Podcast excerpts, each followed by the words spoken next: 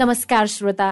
कार्यक्रम स्थानीय आवाजबाट प्राविधिक मित्र सशिन्द्र गौतम तथा कार्यक्रम प्रस्तुता विद्या तामाङ र म यमुना राणा। कार्यक्रमको यो नयाँ अङ्कमा तपाईँलाई हार्दिक स्वागत गर्दछौँ।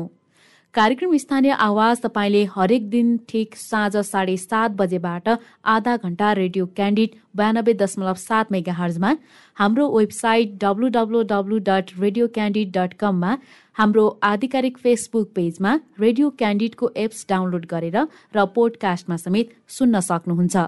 यो कार्यक्रमको पुनः प्रसारण हरेक दिन बिहान साढे सात बजे हुनेछ। आजको कार्यक्रममा हामी कालीकोट जिल्लाको खानाचक्र नगरपालिकाको चिनारी र यसका मेयर जसी प्रसाद पाण्डेसँग कुराकानी गर्दैछौ। श्रोता खाडाचक्र नगरपालिका कर्णाली प्रदेशको कालीकोट जिल्लामा अवस्थित छ। यो नगरपालिकामा जिल्लाको सदरमुकाम पर्दछ। देशकै विकट जिल्लाहरूमध्ये पर्ने जिल्लाको सदरमुकाम रहेको यस नगरपालिका पर्यटनको हिसाबले निकै सम्भावना बोकेको नगरपालिका हो। नेपालको सबैभन्दा ठूलो रारा ताल पुग्ने स्थल मार्गको रूटमा पर्ने यस नगरपालिकामा पर्यटन सम्बन्धी व्यवसायको सम्भावना छ भने कोट दरबार तथा ढुङ्गे बगैँचा चुली मालिका पिली युद्ध पर्यटकीय क्षेत्र पञ्चदेवल मन्दिर आदि यस नगरपालिकामा पर्ने महत्वपूर्ण पर्यटकीय स्थलहरू हुन्। गरिबी शिक्षा स्वास्थ्य खानेपानी लगायत नागरिकको मौलिक हक अधिकारमा पर्ने सेवा सुविधाबाट वञ्चित हुँदै आएका यस पालिकामा बस्ने मानिसहरू संहिता कार्यान्वयनमा आएपछि केही राहत महसुस गरे पनि यस ठाउँका मानिसहरूको जीवनशैलीमा उल्लेखीय परिवर्तन भने आउन सकेको छैन। अझै पनि बिजुलीको सुविधा खानेपानीको पर्याप्तता सिँचाइ स्वास्थ्य सुविधा र शिक्षामा पहुँच सहज भइसकेको छैन। यसको मुख्य कारक भौगोलिक विकटता र बजेट अभाव रहेको गाउँपालिकाको भनाइ छ। घाँडाचक्र नगरपालिका साबिकको मानमा पाखा दाहा गाविस तथा बदालकोट गाविसको ओडा नम्बर एक दुई र तीन र भर्ता गाविसको ओडा नम्बर आठलाई समेत समेटिएको छ। नगरपालिकाको पूर्वतर्फ तिला गुफा नगरपालिका पश्चिमतर्फ कर्णाली नदी उत्तरतर्फ पचाल झरना गाउँपालिका र दक्षिणतर्फ शुभकालिका गाउँपालिका पर्दछ। यस नगरपालिकाको कुल क्षेत्रफल एक सय तेत्तिस दशमलव उनातिस वर्ग किलोमिटर रहेको छ। यतिखेर हामीसँग कुराकानीका लागि यसै नगरपालिकाका मेयर जसी प्रसाद पाण्डे जोडिनु भएको छ। उहाँलाई हामीले खाँडाचक्र नगरपालिकामा तपाईँको नेतृत्वमा स्थानीय सरकार बनेपछि गर्नुभएको महत्वपूर्ण काम के हो भनेर सोधेका छौँ।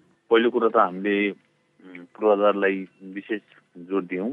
र त्यसपछि सामाजिक क्षेत्रमा स्वास्थ्यको क्षेत्रमा बढी हामीले अत्यन्तै गऱ्यौँ जो एघारैवटामा स्वास्थ्य एकाइ स्थापना छन् जस त्यसबाट पनि स्वास्थ्यको सेवा प्रवाह गर्न सजिलो भएको छ।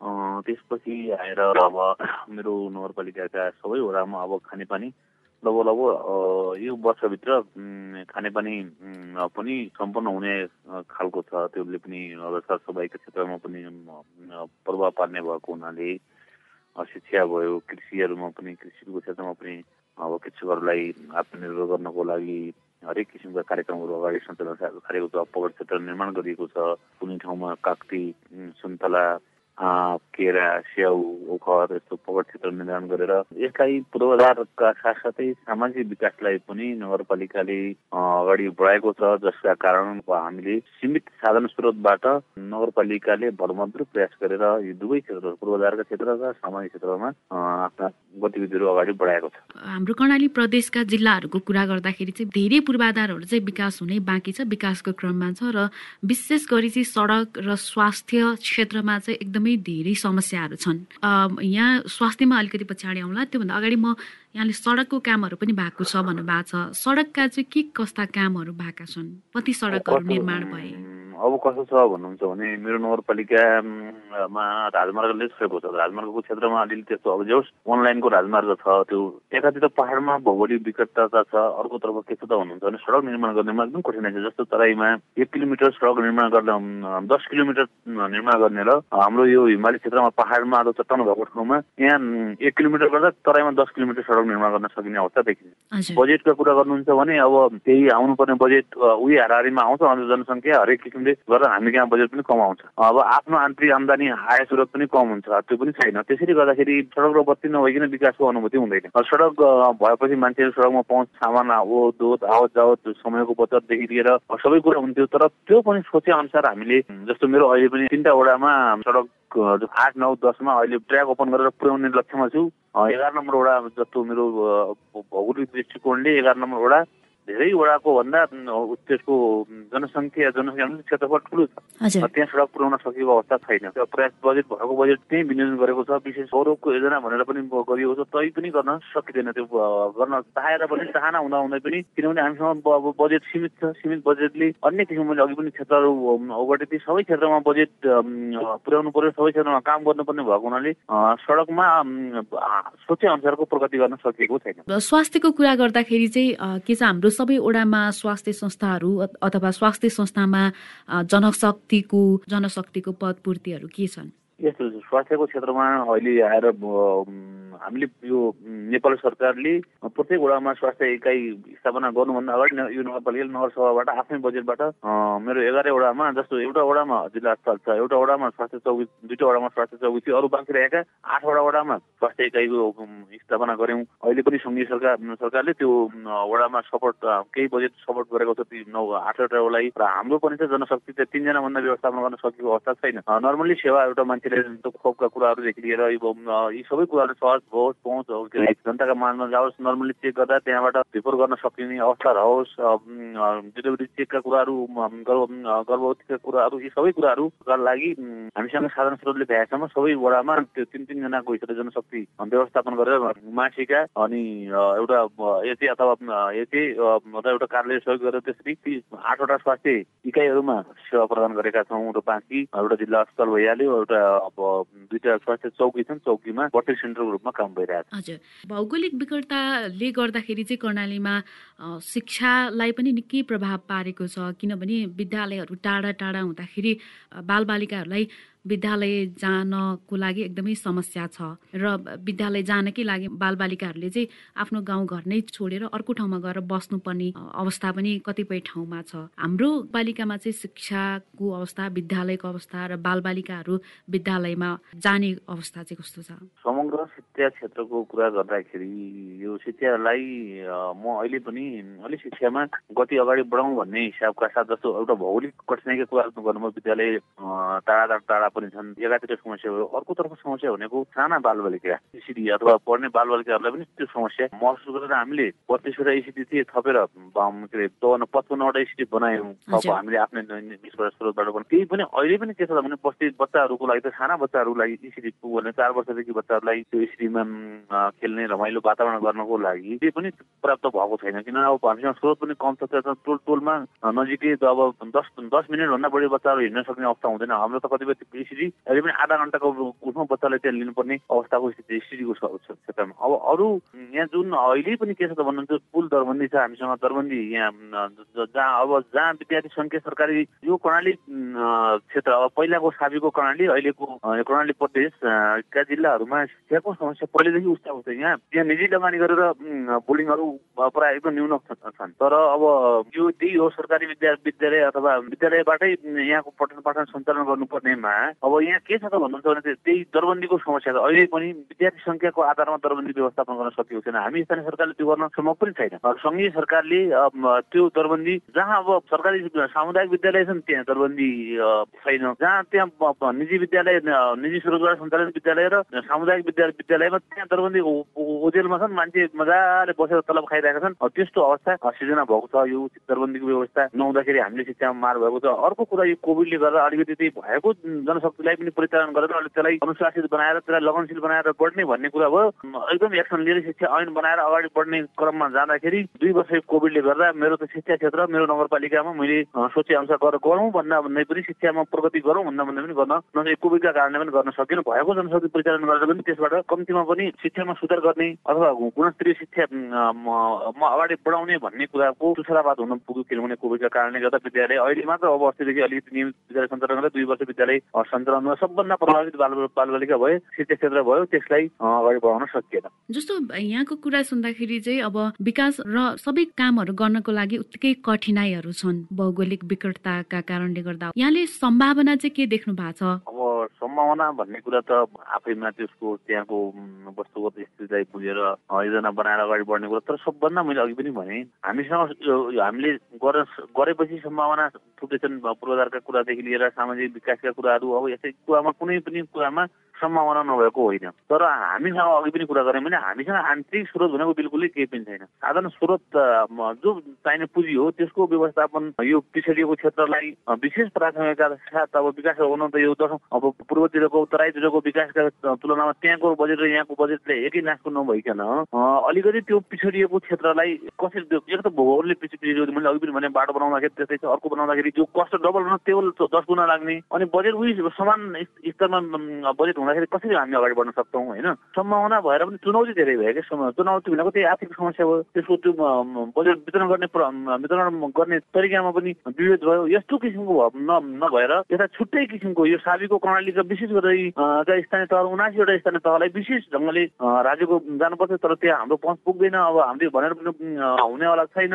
विशेष गरेर यो साबिका प्रणालीका भनौँ न साबिक प्रणाली यो प्रणालीबाट अझ विशेष गरेर साबिका प्रणालीका पाँचवटा जिल्लामा अझ यसको विशेष खालको प्रावधान भइदिएको भए झन् राम्रो हुन्थ्यो र यसलाई हामी चुनौतीलाई सम्भावनामा ढाल्न सक्ने अवस्था रहन्थ्यो भन्न खोजेको यहाँले काम गर्दाखेरि चाहिँ प्रदेश सरकार होस् अथवा केन्द्रबाट चाहिँ त्यति सहयोग भएन अलि छुट्टै खालको विशेष खालको सहयोग हुनु पर्थ्यो भन्ने चाहिँ हो। हजुर हजुर। त्यो भइदियो भए हामी अझ अझ यसको अब किनभने अरू विकसित पालिकाको रूपमा अथवा त्यो भन्दा हामी पनि हामी सम्भावना छ सम्भावना नभएको पनि त्यसलाई हामी अगाडि बढाउन सक्थ्यौँ। तर त्यो साधन स्वरूपको वितरण प्रणालीमा भिन्नता आउनु पर्यो भन्ने भनाइ यहाँहरूले चाहिँ बजेट विनियोजन गर्दाखेरि चाहिँ के कुरामा चाहिँ अलिक बढी प्राथमिकता दिनुभयो? अथवा कतिपय पालिकाहरूमा चाहिँ बाटोलाई मात्रै महत्व दिइयो भन्ने हुन्छ? बाटो मात्रै हामीले त बाटो भन्नु अघि पनि भने सामाजिक क्षेत्रमा विकास हाम्रो जस्तो के हुन्छ जस्तो शिक्षा स्वास्थ्य कृषि पशु यो यस क्षेत्रमा पनि हामीले जस्तो अब अन्य अन्य युवा रोजगारीका कुराहरू तालिमका कुराहरू सिपमूलकका कुराहरू यस्ता यस्ता कुरामा पनि हाम्रो बजेट विनियोजन भएको छ होइन? बाटोलाई मात्र होइन बाटो त आवश्यकता हो तर बाटोलाई मात्र होइन बाटोको मात्रै पचास पर्सेन्ट पनि बाटोमा छैन हेर्दाखेरि सरस्वती होला तेत्तिस पर्सेन्ट बाटोमा भयो कि अरू अरू बजेट अरू अन्य अन्य अन्य सामाजिक विकासमा अन्य अरू उसमा पनि बजेट विनियोजन भएको छ। कतिपय ठाउँहरूमा गाउँपालिकाले कार्यक्रमहरू ल्याउँदा बजेटहरू विनियोजन गर्दाखेरि चाहिँ आफ्नो राजनीतिक पहुँच अथवा आफ्नो मान्छेहरूलाई चाहिँ दिइन्छ त्यस्तो हुन्छ भन्ने छ नि। यहाँले त्यो आरोप खेप्नु भयो कि भएन? त्यस्तो अब त्यो कसैले गरे होला नि तर त्यो त्यो हुन पनि हुँदैन न।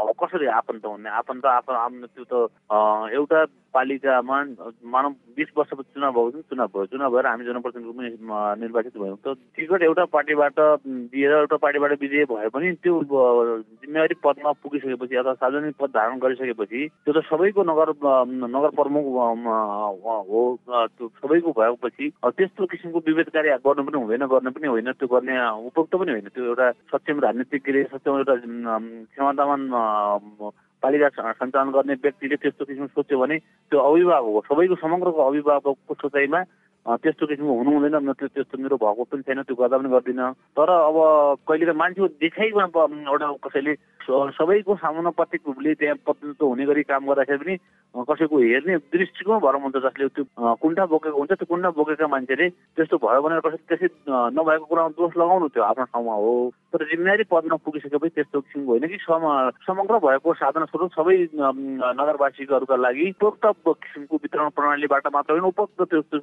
अनुगमन मूल्याङ्कनदेखि लिएर सबै कुरामा पारदर्शी रूपले अगाडि बढ्नुपर्छ र बढ्नु पनि पर्ने कर्तव्य त्यही हो। हजुर। अलिकति फरक तपाईँसँग जोड्न चाहे जस्तो हाम्रो गाउँपालिकामा चाहिँ त्यहाँ बस्ने स्थानीयहरूको आय आर्जनको स्रोत के हो? आय आर्जनको माध्यम चाहिँ के हो? हो यहीँनिर सपना उठो जस्तो अब सपना ठुलो अघि पनि भने बजेटको विविधका मैले अघि पनि कुरा निकाल्नु के छ त भन्नुहुन्छ भने सबभन्दा अहिलेको यो सतहत्तर सत्तरवटा जिल्लामा सबभन्दा गरिबीको पहिलो सूचनाङ्क बढी गरिबी भएको कालीकोट। साक्षरताको दृष्टिकोण पहिलो सूचकाङ्क भएको कालीकोट। हरेक ठाउँमा त्यो किनभने यहाँ गाह्रो छ यहाँको अब आर्थिक आम्दानी वृद्धि गर्नुको लागि के चाहियो त? अब कृषि हो भने सिँचाइका सबै आधुनिकरण अब अहिलेको नयाँ किसिमको कृषिलाई उ गर्न लागि त्यो सिँचाइदेखि लिएर सब बिउ बिजनदेखि लिएर त्यसको अब उपकरणहरूको विकास भइदियो गए कि अलिकति मान्छेले फर्को गर्न त्यसलाई गरिबी न्यूनीकरण गर्न सकिने हुन्थ्यो। कि त अब त्यो अब रोजगारी सिर्जना गर्न सक्ने खालका योजना न यहाँ उद्योग छ न केही छ न केही छ कसरी मान्छेको गरिबीको रेखा मुनि रहेका जनताहरूलाई कसरी उकास्ने कि त उद्योग कि त्यो होइन अब एक गरे रोजगारका जस्तो प्रधानमन्त्री रोजगारका थोरै थोरै बजेटले यहाँ मान्छेको गरिबी न्यूनीकरण हुन सक्ने अवस्था छैन। त्यो मान्छेको गरिबी निर्माण गर्नको लागि त त्यहाँ किनकि आत्मनिर्भर पहिलो कुरो त मान्छे नगरवासीलाई के गर्नुपर्छ? आत्मनिर्भर आत्मनिर्भर गर्नको लागि त त्यता ठोस किसिमको यहाँ उद्योग छैन नत्र अब कि त कि त त्यस्तो किसिमको सिँचाइको प्राप्त किसिममा पनि अनिवार्यता लगाउने अथवा ऊ गर्नको लागि सबै किसिमको व्यवस्थापन गर्नको लागि त्यही मैले अघि पनि भने हामीसँग सीमित साधन स्रोत त त्यसले हुँदैन अनि कसरी गरिबी निर्माण? अब त्यहाँ सबभन्दा पहिले त दलित महिला पिछडिएको वर्ग यसको व्यक्तिगत आम्दानीमा अथवा आय स्रोत वृद्धि गर्न सकिएन भने अनि यहाँको गरिबी अन्त हुन सक्दैन। त्यस्तो किसिमको व्यक्तिगत आय आर्जन वृद्धि हुने खालका कार्यक्रमहरू गर्न सकियो भने अनि यो गरिबी निर्माण गर्न सकिन्छ। देश चाहिँ समान विकास र स्रोत साधनमा चाहिँ सबै क्षेत्रको सबै जनताको होइन समान पहुँच होस् भन्ने उद्देश्यले चाहिँ संघीयतामा गयो। तर पनि कामहरू गर्नलाई चाहिँ अझै पनि समस्या देखियो। के भइदियो भने चाहिँ अब विकास अथवा यहाँ यहाँको हाम्रो समस्याहरू जे जति छन् नि त्यो समाधान गर्नलाई मेन गरेर अब हाम्रो कर्णालीको मात्रै होइन देशभरमै अहिले युवाहरूको रोजगारको चाहिँ समस्या एकदमै ठुलो समस्याको रूपमा छ। यो समाधान हुन्थ्यो जस्तो लाग्छ यहाँलाई। यस्तो के छ भन्नुहुन्छ भने सबभन्दा जनताको नजिकको सरकार भनेको अथवा नजिकको सरकार भनेको स्थानीय सरकार हो। हजुर। यो स्थानीय सरकारलाई सबै किसिमको साधन स्रोतदेखि लिएर अधिकार सम्पन्न गरायो गराइयो भने किनभने उसले प्रत्येक व्यक्ति व्यक्तिका समस्या उदाहरण व्यक्ति व्यक्तिको आय स्तर कस्तो छ के छ कुन ऊ छ त्यो सबैको पहिचान स्थानीय सरकारले गरेको हुन्छ। तर त्यो अहिले के अहिले पनि के छ भने सत्तरी पर्सेन्ट बजेट सङ्घीय सरकारमा छ। त्यसपछि आएको बजेट प्रदेश सरकारमा छ। त्यो एउटा संहिताको नाममा बजेटको त्यो टुक्राएर थोरै मात्रै त्यो एउटा अधिकार दिएको भन्ने कानुन बनाउने भन्ने अनि त्यो तर त्यो के जस्तो कर्मचारी ठ्याकै कुरा शिक्षामा कसैले सर्व बढुवा गर्न सक्ने शिक्षाको सुधार त्यो त्यहाँ छैन कर्मचारी नियुक्ति गर्ने अधिकार स्थानीय सरकारलाई छैन अब त्यस्तो छ नि यस्तो सरकार अब त्यो एउटा सरकारसँग सरकारले सरकारमाथि विश्वास गरेको अवस्था छैन संहिताको मूल मर्म मेरो बुझाइमा के हो त भने सबभन्दा संहितालाई प्रभावकारी बनाउनको लागि जनतालाई जनमुखी बनाउनको लागि जनतालाई सक्षम बनाउनको लागि त्यो सक्षम सरकार भनेको सबभन्दा प्रभावकारी सरकार भनेको स्थानीय सरकार हो त्यो स्थानीय सरकारलाई सबै किसिमको साधन स्रोतदेखि लिएर अधिकारदेखि लिएर सबै सम्पन्न हुने वातावरण भयो र अनि जनताको प्रत्यक्ष रूपले जनताको हितमा स्थानीय सरकार गर्ने भएको हुनाले पहिलो कुरा संहितालाई मजबुत बनाउनको लागि जनतालाई विकास निर्माणमा अपनत्वको भावना सिर्जना गर्नको लागि जनतालाई आत्मनिर्भर गर्नको लागि स्थानीय सरकार सत्य हुनुपर्छ स्थानीय सरकार सत्य बनाउनको साधन स्रोतदेखि लिएर सम्पूर्ण अधिकार सम्पन्न स्थानीय भएपछि त्यसपछि प्रदेश हुँदै सङ्घमा जानुपर्छ भन्ने मेरो भनाइ। र पनि यहाँहरूले स्थानीय तहमै युवाहरूलाई रोजगारी दिनको लागि चाहिँ केही पहल गर्नु भएको छ? केही कार्यक्रमहरू हामी के हामी भन्दा साधन स्रोत कति कति छ र भने गर्न युवा कति छन् बेरोजगारी? त्यसको डाटा सङ्कलन गराउन त्यो गर्ने त्यस सबै युवाहरूलाई त्यस्तै एउटा अब रोजगारी भनेको एउटा नोकरी मात्रै होइन। रोजगारी भनेको तिनीलाई नोकरी यहाँ त रोजगारी भनेको मान्छेले के बुझ्छन् भने एउटा कुनै पनि सरकारी निकायमा जागिरी हाजिर गरेर गरेर तल पन्ध्र बिस हजार अब त्यो खाएस त्यो त्यो मात्र त्यो युवाहरूलाई आत्मनिर्भर गर्ने कुनै कार्यक्रम लिइदिनको लागि त्यो त बजेट चाहियो चाहिएन बजेट त्यति सोचे अनुसारको हामीले अब पन्ध्र बिस लाख एउटा युवाको छेउमा नगर नगरपालिकामा अब दसौँ के अरे हजार दसौँ हजार युवाहरू हुन्छन् अब ती युवाहरूलाई अब के कसरी हाम्रो सीमित छात्रहरूले गर्न सकिँदैन?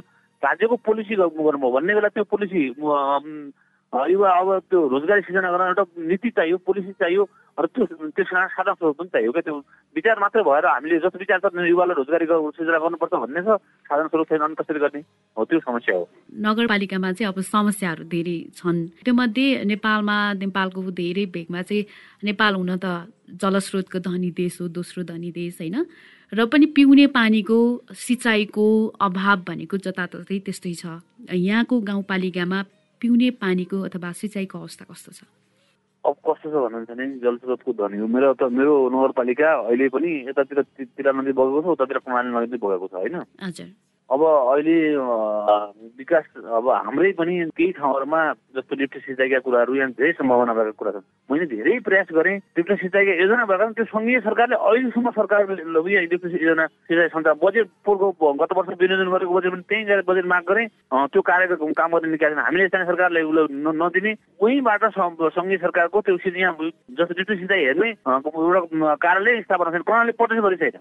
कस्तो विडम्बनाको छ भनौँ न उदाहरणको लागि। के जलस्रोतको धनी छ पानी फलाफल छ। त्यो लिफ्ट सिँचाइबाट बस्तीहरू सुक्खा छन् मान्छेहरू अघि पनि आत्मनिर्भर गर्न कृषकलाई काम गर अनिवार्य गरेर सरकारी पुगर तर सिँचाइ त छैन। र सिँचाइ नभए अब त्यो जति लगानी गरे पनि त्यो बिचराको के छ त नोक्सानमा घाटामा जान्छ त्यो एक खालको समस्या भयो। सम्भावना भएर पनि साधन स्रोत अथवा त्यो पहुँच नपुगेपछि भने त मेरो दुइटै नदी बगेको छ प्रणाली नदी बगेको छ यतातिर बगेको तल पानी फालावाल छ माथि बस्ती सुक्खा छ होइन? त्यो भयो। अर्को कुरा अब खानेपानी भनेको त सबैलाई अब आउँछ मैले अहिले पनि अघि त खानेपानी हाम्रो मेरो प्राप्तमा धेरै टाढा टाढाबाट मुहानहरू लिएर खानेपानी अलग एक वर्षमा सबै एउटामा सम्पूर्ण हुने तर त्यो दिगो भने छैन। जस्तो नजिकको पानी कि त्यही पानी नजिकको नजिकको लेखको पानी एकदम टाढाको पानी लिएर मानव दस पन्ध्र पाँच छ किलोमिटर दस बाह्र किलोमिटर चौध पन्ध्र किलोमिटरको पाइपलाइनबाट लिएर तल बस्तीमा झार्नुभन्दा त्यहाँ एक किलोमिटरमा छैन नदी नदीको एक किलोमिटर दुई एक किलोमिटर दुई किलोमिटरभन्दा नदीबाट पानी माथि ल्याउन टाढा छैन। त्यो त्यति टाढाको पानी ल्याउन त्यो नजिकको पानी लिएर त्यही बस्तीमा खाने पानी सिँचाइमा त्यसलाई फिल्टर गरेर अथवा त्यसलाई उ गरेर गरिदिएर झन् राम्रो हुन्थ्यो त त्यही त अब त्यसमा ध्यान जाँदैन। हामीले मैले प्रिपेयर गरेको त्यसले सम्भवै छैन। त्यो मान्छे काम गर्ने अब अख्तियार हामीलाई दिँदैन। पैसा त मेरो अहिले पनि साढे चार करोड रुपियाँ मेरो लिफ्ट सिँचाइमा मैले विनियोजन गरेको छु। त्यो रिपेयरै गर्न पाएको छैन। किनभने पैसा सँगै सरकारको त्यो खर्च गर्ने निकाय छैन यहाँ। टाइपको छैन तेरो आफ्नो खुर्च छैन भन्छ। यो प्रणाली प्रदेश गरी त्यस्तो किसिमको सिँचाइको एउटा सङ्घीय अफिसको कार्यक्रम हेर्ने अफिस छैन। यस्तो समस्या छ। हामीसँग छ हो जलस्रोत धन देश हो पानी प्राप्त छ त्यसको उपयोग हामी उपयुक्तको कमी छ हामी कार्यक्रमको लगभग अन्त्य अन्त्यमा छौँ। यो यहाँको पालिकामा चाहिँ विद्युतको सुविधा चाहिँ कस्तो छ? विद्युत अब हाम्रो अहिले राष्ट्रिय प्रसारण लाइन भर्खरै पुगेको छ नयाँ नयाँ लाइन भएको हुनाले अहिले अब अरू काममा जो केन्द्रमा छ अहिले वडा वडामा अब छिटो त्यो राष्ट्रिय प्रसारण लाइनका तारहरू गरेर बत्ती पाल्नुपर्छ भन्ने मैले भर्खरै हिजो पनि एउटा पहल गरेको सायद अब फेरि मिटरको सिस्टम समस्या त मिटरै छैन। अब के कसरी बत्ती पाल्नुहुन्छ अब राष्ट्रिय प्रसारण लाइन आएको त बत्ती त छ त्यो सबै घर घरमा मिटर वितरण गरेर गाउँ गाउँमा त्यो बत्ती जडान गर्न यहाँ पैसाको अब अभाव र मैले हिजो त्यो विद्युतको कार्यालयले भने एउटा पालिकालाई तिन करोडभन्दा बढी थिएन कसरी पोल किन्ने कसरी तार उगर्ने भन्ने समस्या। के के हो यो अतम अतम लाग्दो क्या विश्वास त गर्नु पऱ्यो नि त्यहाँको अब सडकको बत्ती नभएपछि विकास अगाडि बढ्न सक्दैन। त्यो तर पनि हामी गर्छौँ भनेर हिजो उहाँहरूले त्यो कार्यालय प्रमुखसँग मैले डेलिगेसन टिम लिएर गएको थिएँ। यस्तो समस्या बत्ती छ राष्ट्रिय प्रसारण पुगेको छ। त्यो मेन पावर अब पावरै फन्किएर बसेको छ गाउँमा अन्धकार छ। त्यो पैसाको अभावले गर्दा पोलको अभावले गर्दा तारको अभावले गर्दा ट्रान्समिटर लाइनको ट्रान्समिटरको अभावले गर्दा यस्तो किसिमको यी समस्याहरूले जगिडिएको छ क्या। त्यो त त्यो अब त्यस्तो अवस्था देखिएको छ। र अन्त्यमा के भन्नुहुन्छ? अन्त्यमा यहाँहरूले अब यो कार्यक्रममा मलाई अलिकति अब मेरो मलाई आफ्नो नगरपालिकाका भएका कुरा राख्नु दिनुभयो धन्यवाद छ। ठिक छ यस्तै यो नगरपालिका भनिहालेँ। हाम्रो यो अत्यन्तै विकट ठाउँमा रहेका स्थानीय तहलाई एकदम समस्या छ। यही किसिमको तपाईँहरूको मिडियाका मार्फत सडकहरू सम्बन्धित सडकहरू होला अथवा सम्बन्धित निकाय केन्द्र सङ्घ र सङ्घ र प्रदेशसँग फेरि यस्तै किसिमको ध्यान आकर्षण हुने खालका कार्यक्रम राख्नको लागि सुझाव दिन्छु। धन्यवाद। धन्यवाद सर यहाँको समयको लागि। धन्यवाद। आजको कार्यक्रम स्थानीय आवाजमा हामीले कालीकोटको खाँडाचक्र नगरपालिकाको चिनारी र यसका मेयर जसी प्रसाद पाण्डेसँग कुराकानी गर्यौं। कार्यक्रम सुनेपछि तपाईँलाई कुनै सुझाव दिन मन लागेको छ अथवा कुनै स्थानीय तहका प्रतिनिधिसँग कुराकानी गरिदिए हुन्थ्यो भन्ने चाहनुहुन्छ भने हामीलाई हाम्रो फेसबुक पेजमा म्यासेज गर्नुहोस् अथवा कार्यक्रमको इमेल ठेगाना radio Candid ninety two point seven at Gmail dot कममा मेल गर्नुहोस्। उपयुक्त सुझावलाई हामी पक्कै ग्रहण गर्नेछौँ। कार्यक्रम सुनिदिनुभयो तपाईँलाई धन्यवाद। हवस् त भोलि फेरि भेटौँला। ससिन र गौतम विद्या तामाङ र म यमुना राणा। बिदा भयौँ। नमस्कार।